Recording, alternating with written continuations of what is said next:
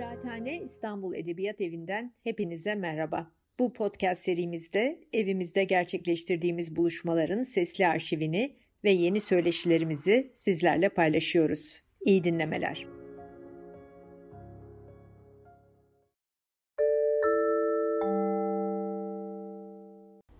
Dört bölümlük bir e, konuşma dizisi başlatıyorum. Genel başlığı karşılaştırmalı mistikler diye koydum. Ama e, tabii e, birbirinden çok farklı ekolleri anlatmaya çalışacağım. Birincisinde e, Çin düşüncesinin e, temel taşlarından biri olan e, Tao Te Ching ya da Dao De Jing kitabından bahsedeceğim. Laozi'nin yazdığı e, geleneksel olarak kabul edilmiş olan. Bundan sonra e, Budizme e, değineceğim. Budizmin temel metinlerinden, felsefi metinlerinden birini e, ele alacağım ve sunmaya çalışacağım. Orta yol Budist çizgisinin felsefesini anlatmaya çalışacağım ikinci bölümde. Üçüncü bölümde ise Hinduizmin büyük düşünürü Shankara'nın e, düşüncesini, e, özne düşüncesini özellikle ele almayı düşünüyorum. Bunlar Uzak Doğu e, bölümü. Daha yakın e, Doğu'da ise son olarak Suhreverdi ve İbn Arabi'yi birlikte ele almaya çalışacağım. Tabii biraz e, yoğun olabilir. E, iki tane büyük düşünür, bir kapsamlı yapıtları var. Ama bunları bir arada almaya çalışacağım. Aralarındaki tabii farkları da hiç e, göz ardı etmeden. Şimdi birinci e, konumuz çok aslında adı çok geçen, yaygın ama tabii ki bayağılaştırıcı, basitleştirici indirgemelerle biraz da dışlanan ya da yanlış anlaşılmaya e, müsait bir e, düşünce akımından söz edeceğim. Bunun e, temel metinleri var. Yani birincisi kökensel temel metnin üstünde ben duracağım. E, o da e, Tao Te Ching ya da Dao De Jing bugünkü transkripsiyonla. E, bunu ben e, ele aldım, bir kitapta ele aldım. 2015'te Monok yayınlarından çıkan Yolun Farkı Tao Te Ching okuması başlıklı bir kitapta ele aldım. Burada biraz tabii bu kendi kitabıma değineceğim. Metinler de sunmaya çalışacağım. Yani Tao Te Ching'in kendisinden bazı bölümler sunmaya çalışacağım. Şimdi ne zaman yazıldığına dair bilgi vereyim öncelikle. Ee, milattan önce 4. yüzyıl sonu ile milattan önce 3. yüzyıl başı arası yazıldığı düşünülüyor artık bugünkü e, e, araştırmalar sonucu. Aslında e, yazarının daha önce bu tarihlerden daha önce yaşamış olan Laozi olduğu gelenekçe kabul edilmiştir e, Laozi kimdir? Konfüçyüs'ün e, çağdaşı bir e, bilge, aziz ya da düşünürdür. Bu e, adlandırmalar tabii çok e, kolay değil. Daha çok kendi geleneğimizi ve işte Yunan e, ve tek tanrıcı sentezinden oluşan geleneğe göre adlandırıyoruz. Tabii ki Uzak Doğu'da, e, Uzak Doğu ile ilgili e, farklılıklar var. Bunlara da birazcık aslında değinmeye çalışacağım. E, Laozi, Confucius'un çağdaşı sayılıyor. Confucius ise e, o ne zaman yaşadığı bilinen bir, çok ünlü tabii bir kişilik.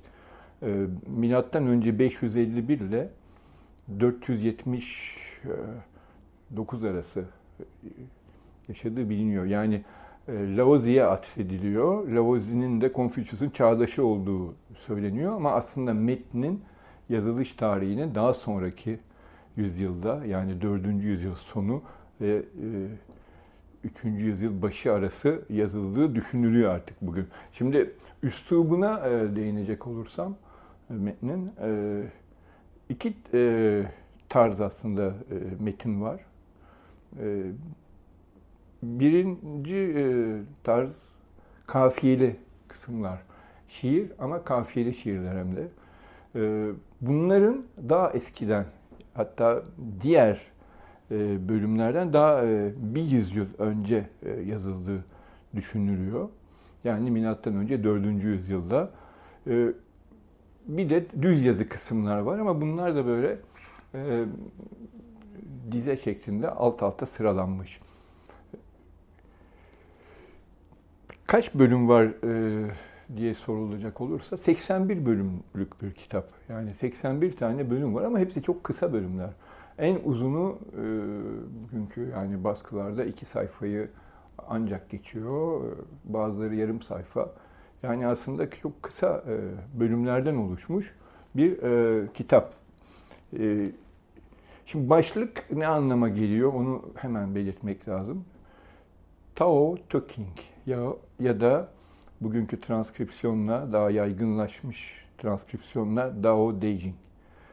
Ne demek? Biz yine eski hmm, e, transkripsiyona göre konuşalım. Tao ile Tö'nün kutsal kitabı demek. King kitap anlamına geliyor. Şimdi Tao ve Tö'nün anlamları üstüne daha uzun uzun durmayı düşünüyorum biraz birazdan. E, bölümlerden bahsettim. 81 bölüm dedim. Aslında iki ana bölüm ayrılıyor bu 81 bölüm. Birden 37'ye kadar olan bölüme gelenekte e, Tao King deniyor. Tao'nun kitabı. Tao burada hemen ne olduğunu da çok fazla açıklamadan bir sözcükle belirteyim. Tao yol demek. Yol. E, Tao. Ama birçok anlama geliyor. İsim hali bu. E, fiil hali de var. Bunlara değineceğim. Birden 37'ye kadar dolayısıyla Tao'nun kitabı, Yol'un kitabı. 38'den sonuna kadar yani 81'e kadar da Tö'nün kitabı. Tö ise erdem demek. Erdem'in kitabı. O zaman Yol ile Erdem'in kutsal kitabı diye çevirebiliriz genel başlığını. Tabii ki bu başlıklarda e, e, ki e, ayrım e, çok e, net değil. E, genel olarak belli konular bütün kitap boyunca yani bütün 81 bölüm boyunca karşımıza çıkacak.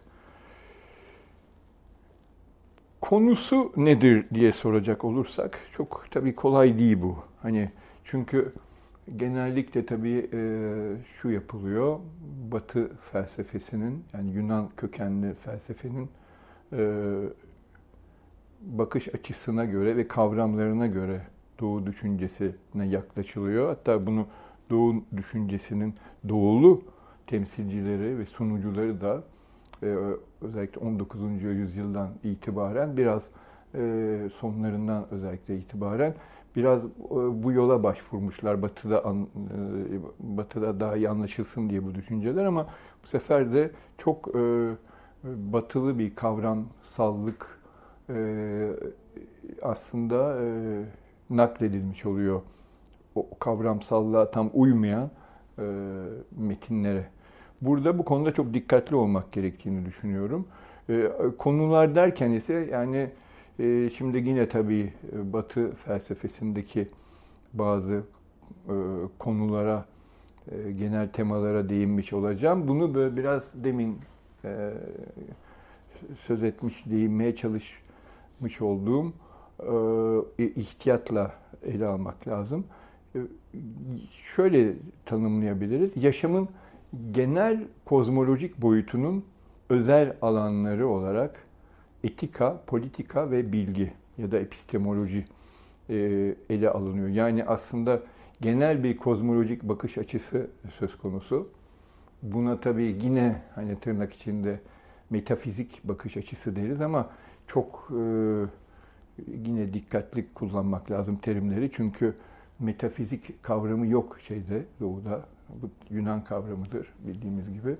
Ee, kozmolojik diyoruz. Yani aslında e, var olanı bütünüyle kuşatan, yani dünyanın bütününü kuşatan, bunun içinde tabii insanı da ve doğayı da belli bir ilişki içinde ele alan bir bir boyut söz konusu.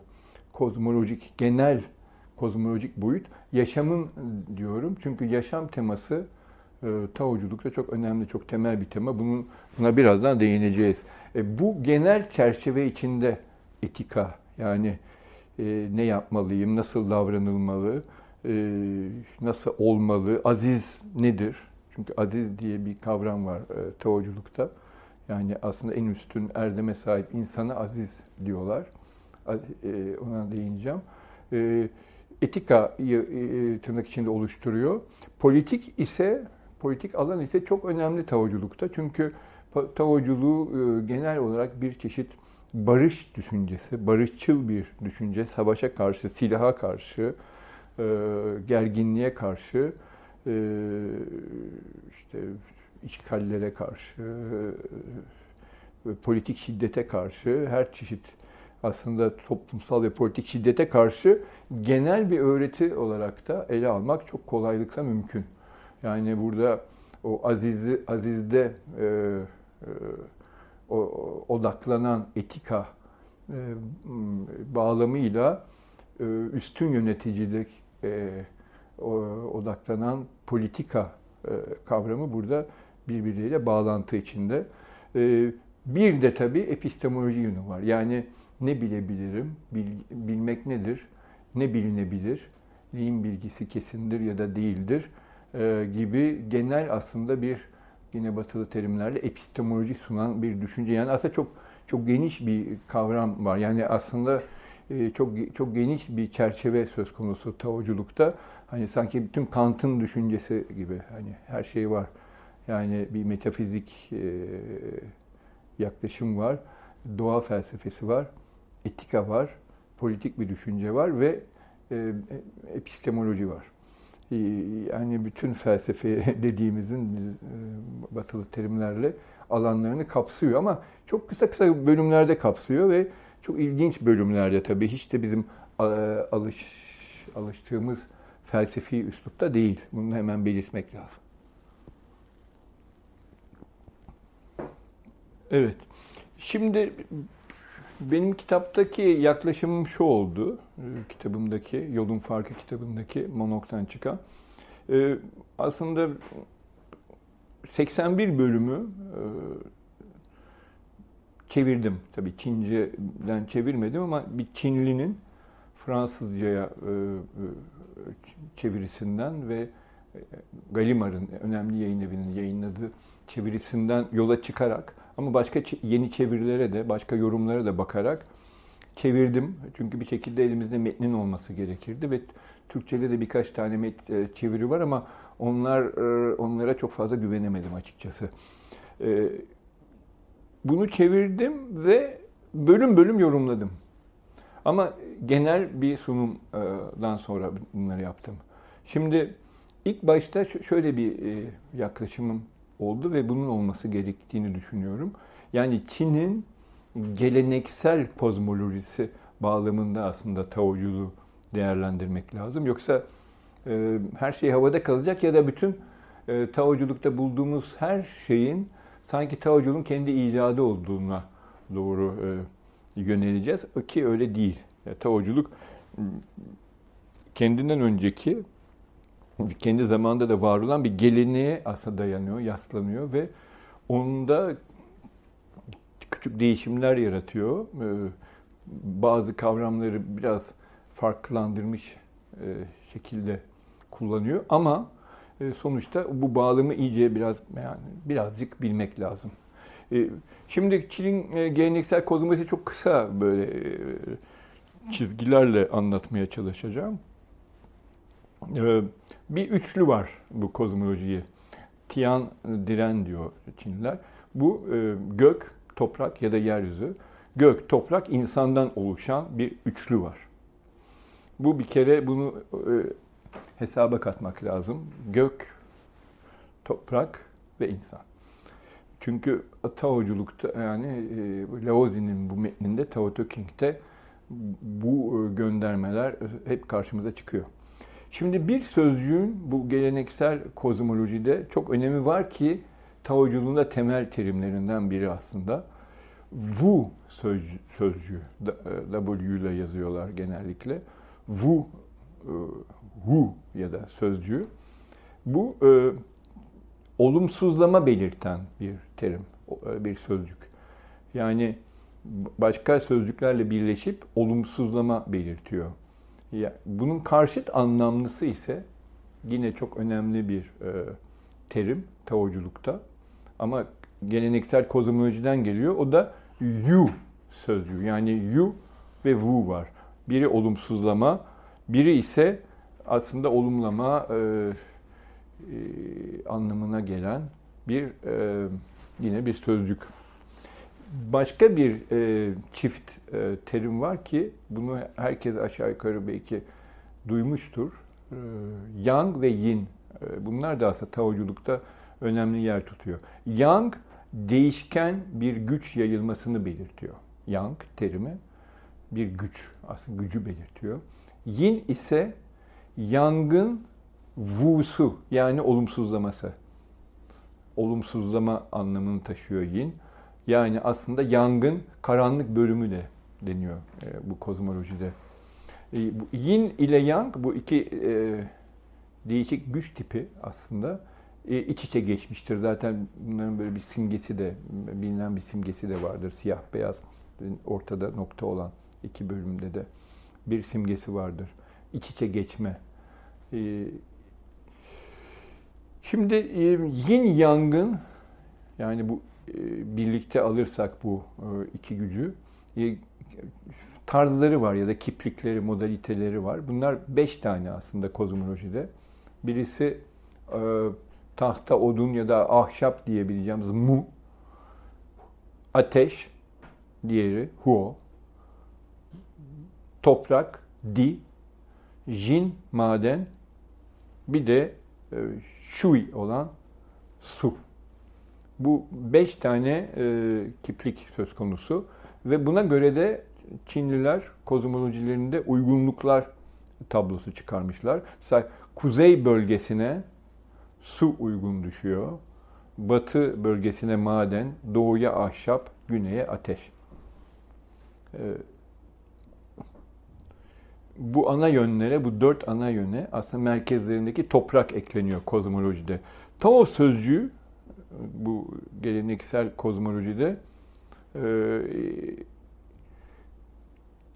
yol anlamına geliyor. İsim anlamı o demin değindik. Fiil anlamı da var ama. O da yol çizmek, yöneltmek, iletişime sokmak. Ee, bu başta kozmolojide dinsel ve büyüsel bir sözcük. Ee, bir de Çin fal kitabını burada ele almak lazım. Çünkü çok önemli bir metin, çok eski bir metin. Taoculuktan önce, Konfüçyüs'tan da önce e, bir yazılmış bir metin. Dönüşümler kitabı dediğimiz Yi King. Burada tabii onu e, etraflıca açıklamak uzun zaman alır ve e, amacım da o değil. Sadece e, bilmeyenler için neyin söz konusu olduğunu bu kitapta biraz belirtmem gerekiyor. Bu kitap yin yang düşüncesini ve ona bağlanan yol fikrine, Tao fikrine ortaya çıkarması bakımından da Taoculuk için önemli. Şimdi belli bir belli tarzlarda çekilen kura ile, kuralar ile e, üçer üçer üst üste konulan e, çizgiler, diyagramlar deniyor buna. Dan aslında 8 8 tane figür elde ediliyor. Bunlara trigramlar diyor deniyor. Yani 3 3 çizgiler. Trigramlar ise yani 3 e, çizgiden oluşan trigramlar ise ikişer ikişer üst üste konuluyor. Böylece 64 tane heksagram elde ediliyor. Yani 6 çizgili figür. 64 tane 6 çizgili figür var yani bu, buradan çıkan. Trigramlar ile heksagramların toplamı gerçekliklerin yani kozmozdaki, evrendeki gerçekliklerin bütününü sembolize ediyor. Yani bu gerçeklikler 64 aslında 6 çizgiye, 6 çizgili figüre e, bölünüyor. Ve bunlar kurayla elde ediliyor. Kuralar atılıyor. Altı kere kura atılıyor. Her e, şeyi belli, e, eksagramı ortaya çıkarmak için. E, burada kısaca geçiyorum, detaylara girmiyorum. O kadar da zor değil aslında. E, bir de şunu tabii burada e, belirtmek lazım. Hani diyagramlar dedim yani çizgiler e, de ikiye bölünüyor. Tam çizgiler var, bir de kesik çizgiler var. Yani o kesik çizgiler ortası ortası boş bir çizgi düşünün. Yani ikiye bölünmüş bir çizgi, ortası boş. Birisi de tam düz çizgi. Ee, birincileri o düz e, çizgi ya da tam çizgiler güçlü çizgiler sayılıyor. Yani yangı temsil ediyorlar. Ee, kesik e, ya da işte zayıf çizgiler ise e, yini temsil ediyorlar. Yani yin ve yang var bir diyagram. Ya yin anlamlı oluyor ya yang anlamlı oluyor. Bu diyagramlar üç tane oluyor. Ondan sonra da 6 tane oluyor. Ve e, bu bunların da e, 64 tanesi birden e, 6 çizgili figürlerden oluşmuş 64 e, heksagram ise bütün gerçekliği temsil ediyor. Evet ve kurralarla bunlar belirleniyor. O kurra aslında geleceği söylemiyor. içinde bulunan durumu söylüyor. Ve çok böyle tabii çok öz, çok şiirsel gibi böyle imgesel kozmolojiye gönderen e, sözler e, e, karşımıza çıkıyor bu kura sonucunda.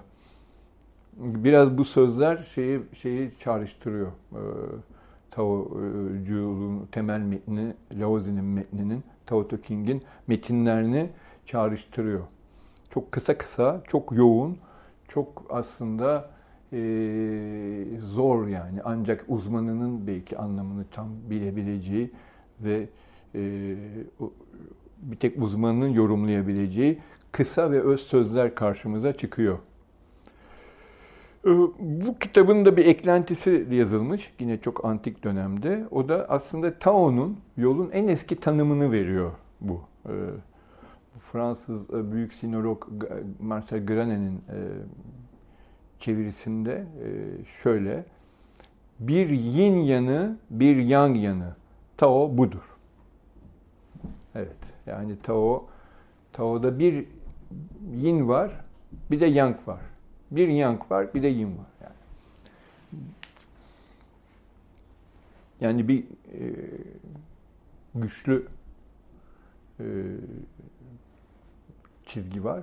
Bir de daha şey olumsuzlamayla ilişkilendirilmiş e, karanlık yanını kozmosun temsil eden e, zayıf e, güç var. Negatif güç de diyebiliriz ama bu negatif aslında Taoculukta daha önemli bir yer tutmakta.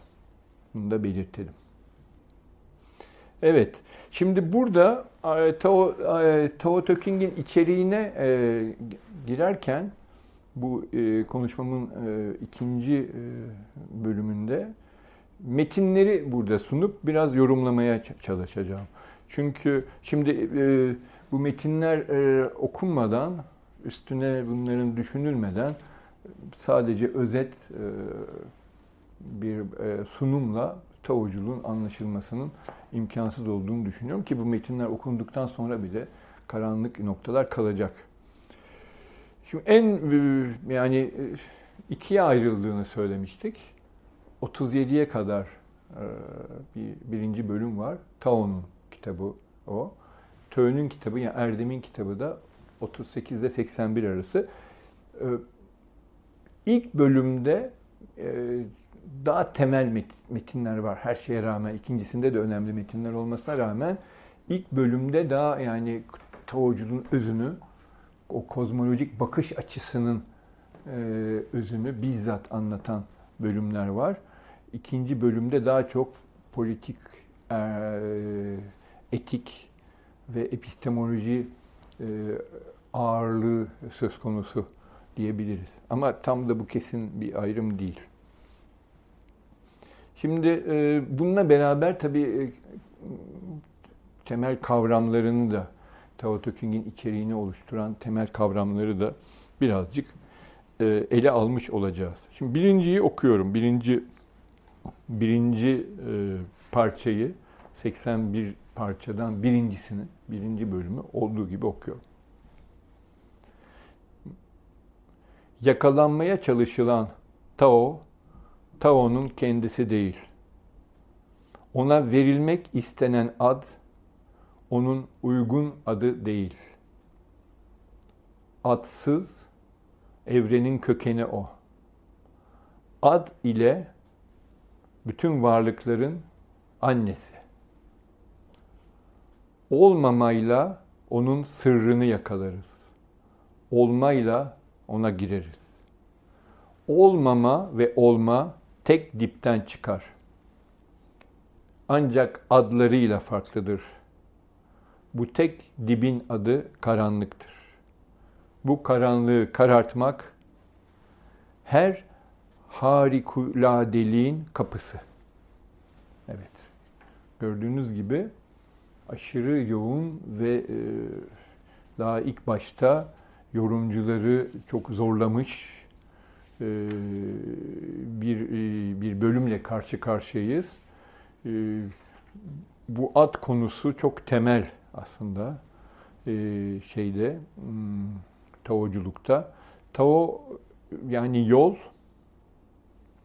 nesnelleşmeye yani objektivasyona dirençli e, bir bir kavram. Nesnelleşmeye direniyor, gelmiyor.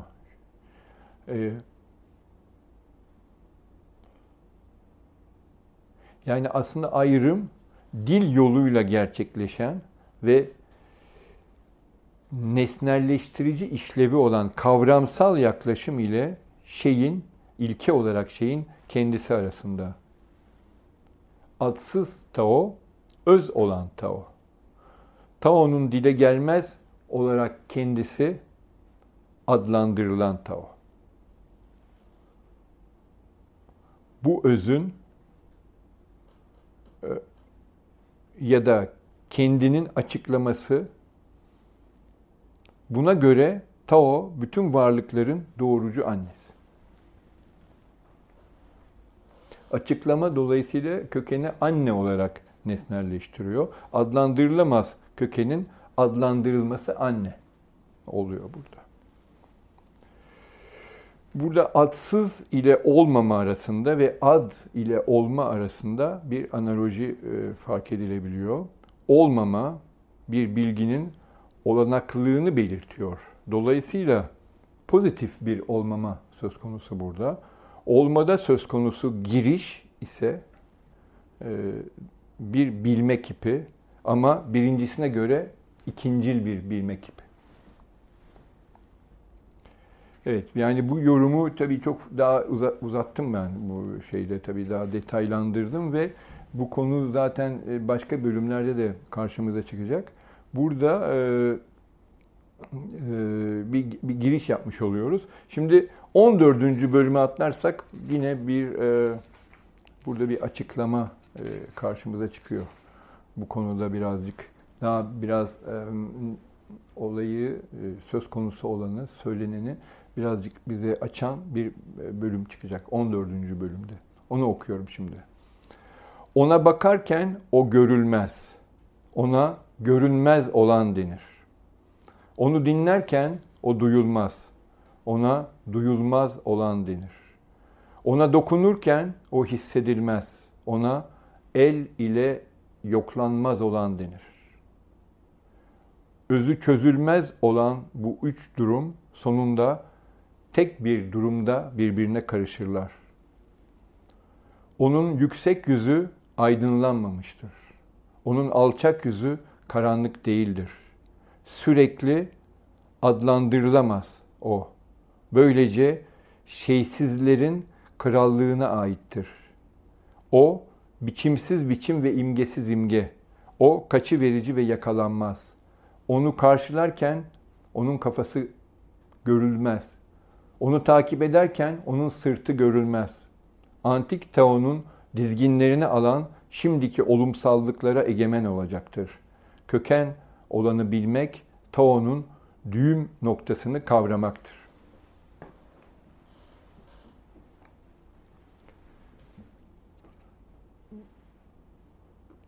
21. bölüme geçersek, bunları sonra biraz daha açmaya çalışırız. Burada e, Taoculukta önemli bir kavram karşımıza çıkıyor. O da o da boşluk. Boşluk e, söz konusu. Boşluk. Boşluk çok temel bir şey. Tabii Wu'ya e, olumsuzlamaya, yokluğa e, bağlayabiliriz.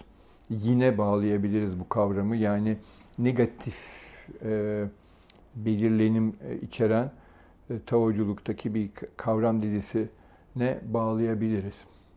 E, ve üstün bir e, boşluktan söz ediyor bu bölüm. Okuyorum şimdi 16. bölüm. Üstün boşluğa eriş ve dinginlikte tut kendini. Varlıkların kaynaşan çalkantısı karşısında yalnızca onların geri dönüşünü seyret. Dünyanın çeşitli varlıkları köklerine geri dönecektir. Köke dönmek dinginliğe yerleşmektir. Dinginliğe yerleşmek düzeni yeniden bulmaktır. Düzeni yeniden bulmak sürekli olanı bilmektir. Sürekli olanı bilmek aydınlanmadır. Sürekli olanı bilmeyen körcesine mutsuzluğunu yaratır. Her kim ki sürekli olanı bilir, hoşgörülü olacaktır o. Her kim ki hoşgörülüdür, çıkar gözetmez olacaktır o. Her kim ki çıkar gözetmezdir, kralsı olacaktır o. Her kim ki kralsıdır, göksel olacaktır o. Her kim ki gökseldir, Tao ile bir olacaktır o. Tao ile bir olan uzun süre yaşayacaktır. Yaşamının sonuna kadar hiçbir şey erişemez ona. Bu en e, metafizik bölümler, tırnak içinde metafizik bölümlerden bir tane e, e, daha okuyup e, başka bir bölüme geçeceğim. E, bu 25. bölüm burada. Onu okuyorum şimdi. Dolayısıyla 1, 14, 21 ve 25'i okumuş olduk. E, okumuş olacağız. 25. Belirsiz bir şey vardı evrenin doğuşundan önce. Bu bir şey dilsiz ve boş, bağımsız ve bozulmaz. Hiç bıkmaksızın her yerde dolaşıyor. Evrenin annesi olmalı o. Onun adını bilmiyor olarak ona Tao diyorum. Ona büyüklük demeye çalışıyorum. Büyüklük uzanımı içerir. Uzanım uzaklığı içerir. Uzaklık geri dönüşü dayatır. Tao büyüktür. Gök büyüktür. Toprak büyüktür, insan büyüktür. İnsanın dünyanın dört büyüğünden biri olması bundandır. İnsan toprağı taklit eder. Toprak göğü taklit eder. Gök Tao'yu taklit eder. Tao'nun kendinden başka modeli yoktur.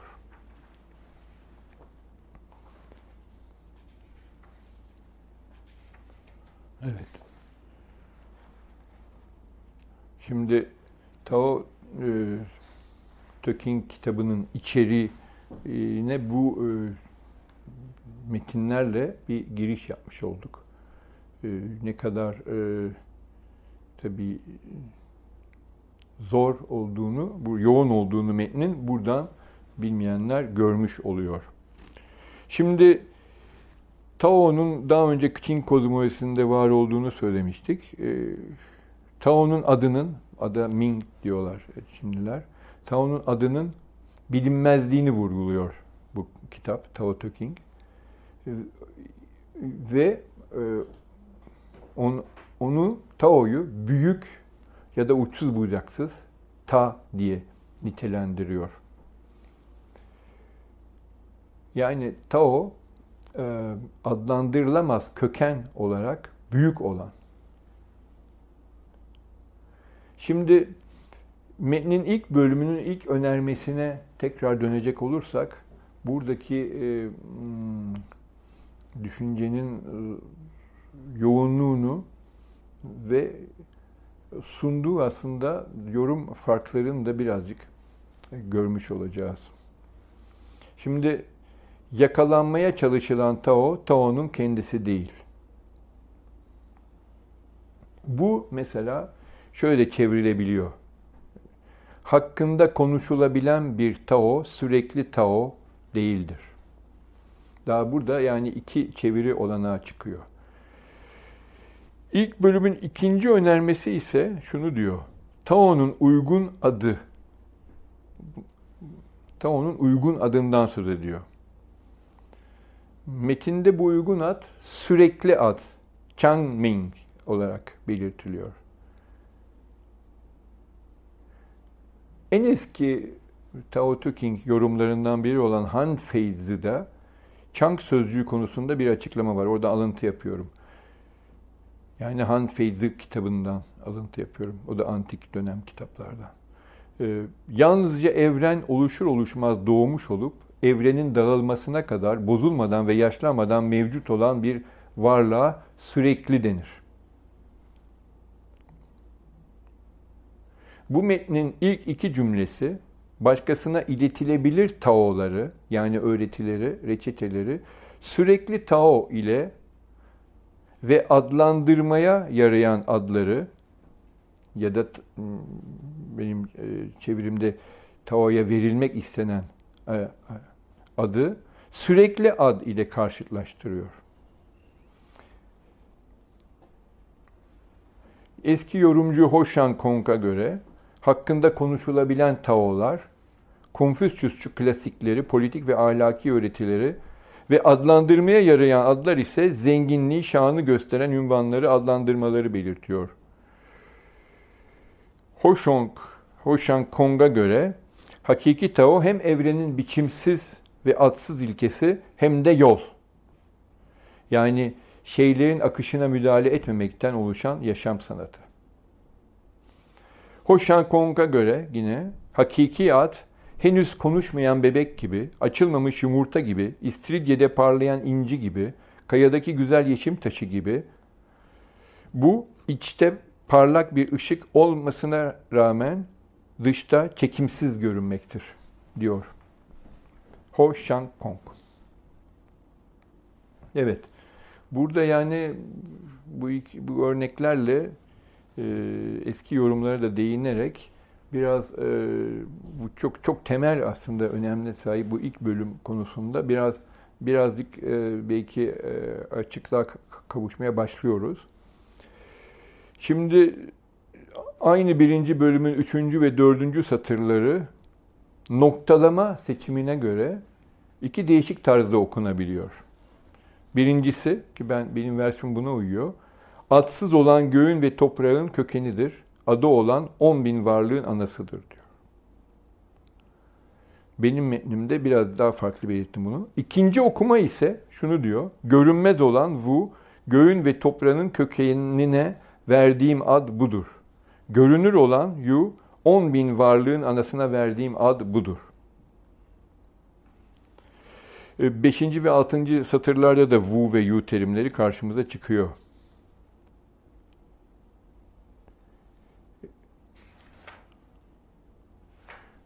Buna göre aslında Wu'ya olmama, Yu'ya olma karşılığını vermek olanaklı. Wu'nun sahip olmamak, yok olmak e, anlamına, Yu'nun ise sahip olmak anlamına geldiği de belirtilmiştir.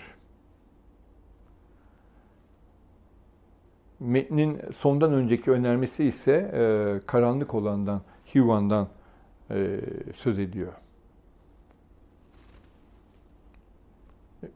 14. bölümde neyi gördük? Görünmez olan ya da ayırt edilmez olan anlamına gelen yiğiden e, söz edildiğini, söz edildiğini gördük.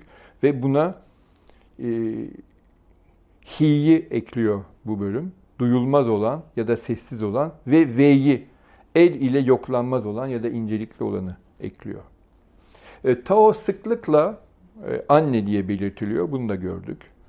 E, 25. ve 52. bölümlerde Tao e, köken olarak evrenin annesi. 6. bölümde Tao karanlık dişi olarak ortaya çıkıyor. Vadinin ruhu ya da tanrısı e, olarak mitolojik bir figüre gönderiyor.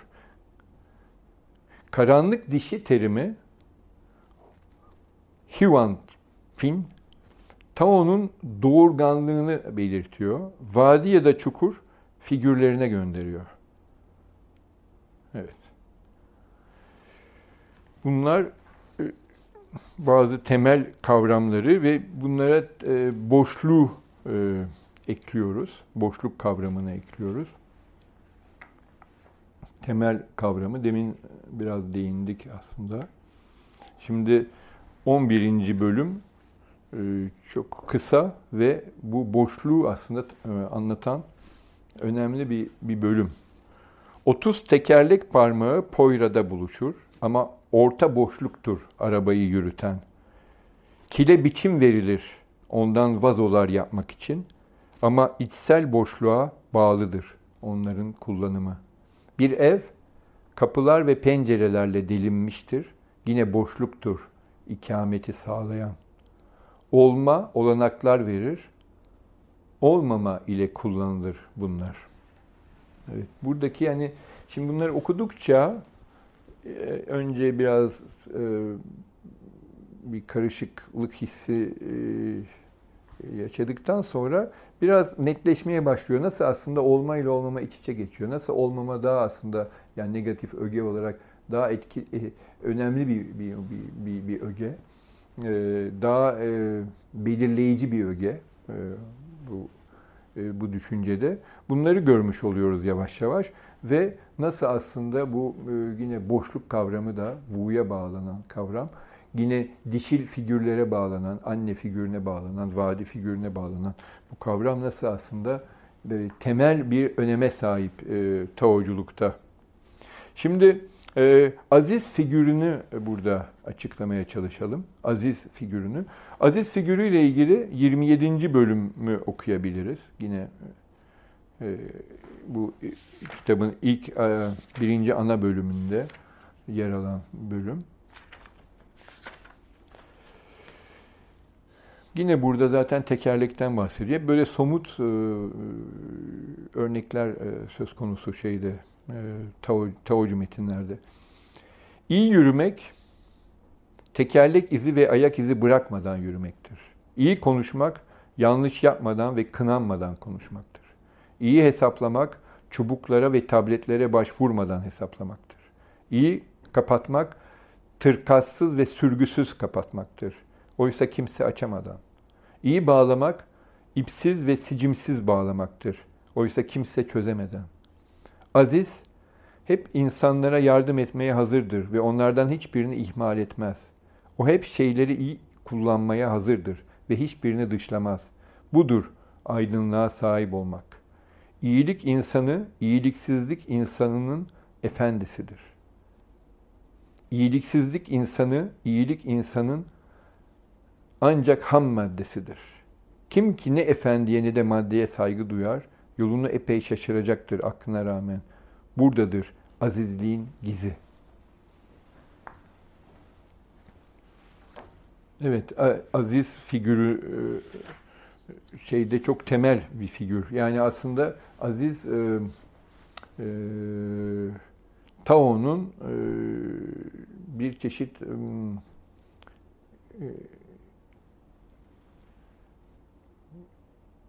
sahibi yani Tao, Tao'ya erişen, Tao'yu bilen, Tao'ya uygun var olan insanı belli ediyor. Ve bu, bu tür bir insan tabii bazen e, yöneticilere yani politik e, yöneticilere ışık tutuyor. Bazen kendisi de yönetici olarak görünüyor mitinde aslında. E, üst, üstün erdeme sahip tabii ki Aziz. E, burada töye sahip. Ondan sonra Şimdi özellikle de burada bu etiko-politik bağlamda ve aziz e, e, tanımlaması bağlamında çok başka e, önemli bir kavram aslında karşımıza çıkıyor. O da Wu Wei kavramı. Yani eylememe, eylemsizlik diye de çevriliyor bu. Eylememe kavramı. Bu ilke aslında özellikle kitabın ikinci ana bölümünde çok karşımıza çıkacak ve o de, demin değindiğim e, etik, politik e, çizgiyi e, çok e, net bir şekilde aslında belirleyecek, e, onu anlamamızı sağlayacak bir kavram. Şimdi aslında eylememe nedir? Bunu tanımlamak da yani mutlak bir eylemsizliği aslında belli etmiyor. Etkin ya da etkili bir eyleme kipliğini belirtiliyor. Etkin olmak söz konusu burada. Bu kiplik özsel olarak Tao'ya ait bir kiplik. Aziz ya da yönetici bu eyleme kipliğini üstlenen, sahiplenen, onu davranışının ilkesi yapan insan. Yani ilk bakışta eylememe, şeylerin akışına müdahale etmeme anlamını taşıyor. Bu tutumun gerekçesi doğal uyumu yansıtıyor olarak şeylerin akışına müdahale etmenin doğal uyumu bozacağı, öyleyse iyi durumda olanı kötü duruma, kötü durumda olanı daha da kötü duruma getireceği savına dayanıyor. Oysa bir eyleme kipliğini belirtiyor olarak eylememe, yeterli ve gerekli en az eyleme olarak eylemeyi tanımlamakta. Öyleyse şeylerin akışına müdahale etmeme ya da minimal müdahale tarzına göndermekte. Eylememe, temelli eyleme olarak bu minimal müdahalenin ne olması gerektiği özel durumlara göre e, değişiyor. E, yani aslında e, metin bu konuda bir reçete sunmuyor bize. Başka deyişle eylememe ilkesinin özgül, somut uygulanma tarzının seçimi azize ya da yöneticiye bırakılmakta.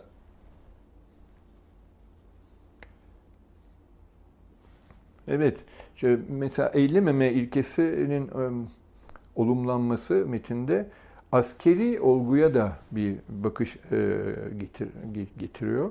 E, Tao King, Tao Te egemen olan genel barışçıl bakış açısı askeri düzlem söz konusu olduğunda belirgin bir antimilitarizm ile ifade buluyor. Bu çok net kitapta. Bunun yanı sıra eylememe kadınsal olana da vurgu yapmakta yine. Tao'nun e, anne ile özdeşleştirilmesinde de gördüğümüz gibi kadınlık olgusu, kadınsal ilke Laozi ve genellikle aslında Tao düşüncesinde e, temel bir e, konuma sahip. Metnin 28. bölümünde azizliğin kadınsal e, edilginlik ile e, bağı açıkça e, gösterilmekte. Yani diyebiliriz ki e, bitirmek için tabii daha çok e, bölüm okuyabilirdik bu barışla ilgili. Ondan sonra büyük imge ya da Tao'nun tatsızlığıyla ilgili e, ikinci daha hala henüz daha birinci bölümde karşımıza çıkan parçaları okuyabilirdik. Eylememe konusunda okuyabilirdik ve biraz da kozmolojik bazı açıklamalara değinebilirdik ikinci bölümde yer alan. Ama burada e, genel olarak toparlamam gerekirse diyebilir diyebilirim ki aslında Tao Te Ching metni bir e, yaşam olumlaması e, ortaya koymakta. Özellikle ben yorumumda bu, bu konu üstünde çok durdum. Yaşam olumlaması, yaşam içindeki, yaşama bulaşmış durumdaki ölüm güçlerine karşı bir tutumu ifade etmekte. Tao Te Ching'deki yaşam olumlaması bir ölümsüzlük, Shangchen diyorlar Çinler, tasarımına açılıyor. Mistik ve dinsel taoculukta ölümsüzlük ideali bir arayış ve bir pratik e, konumuna gelmiştir. E, ölümsüzlük inancı, yaşam inancının bir çeşit mantıksal uzantısını e, oluşturmaktadır. Tao Te Ching'de ölümsüzlük kanıtlanmış bir gerçeklik olarak ortaya konulmaktan çok yaşam olumlamasının bir e, ifadesi düzleminde söz konusu olmaktadır. Evet. Taoculuğun diğer iki büyük metnine burada değinemiyoruz. Bunlar e, Tao Te Ching'in devamında ama onun kadar yoğun olmasa da çok e, tabii kapsamlı, değerli metinlerdir. Bu Zhuangzi e, kitabı ile Liezi kitabıdır. İkisi de özellikle Zhuangzi çok kapsamlı, çok derin bir kitaptır. Türkçe'de yeni bir çevirisi çıktı.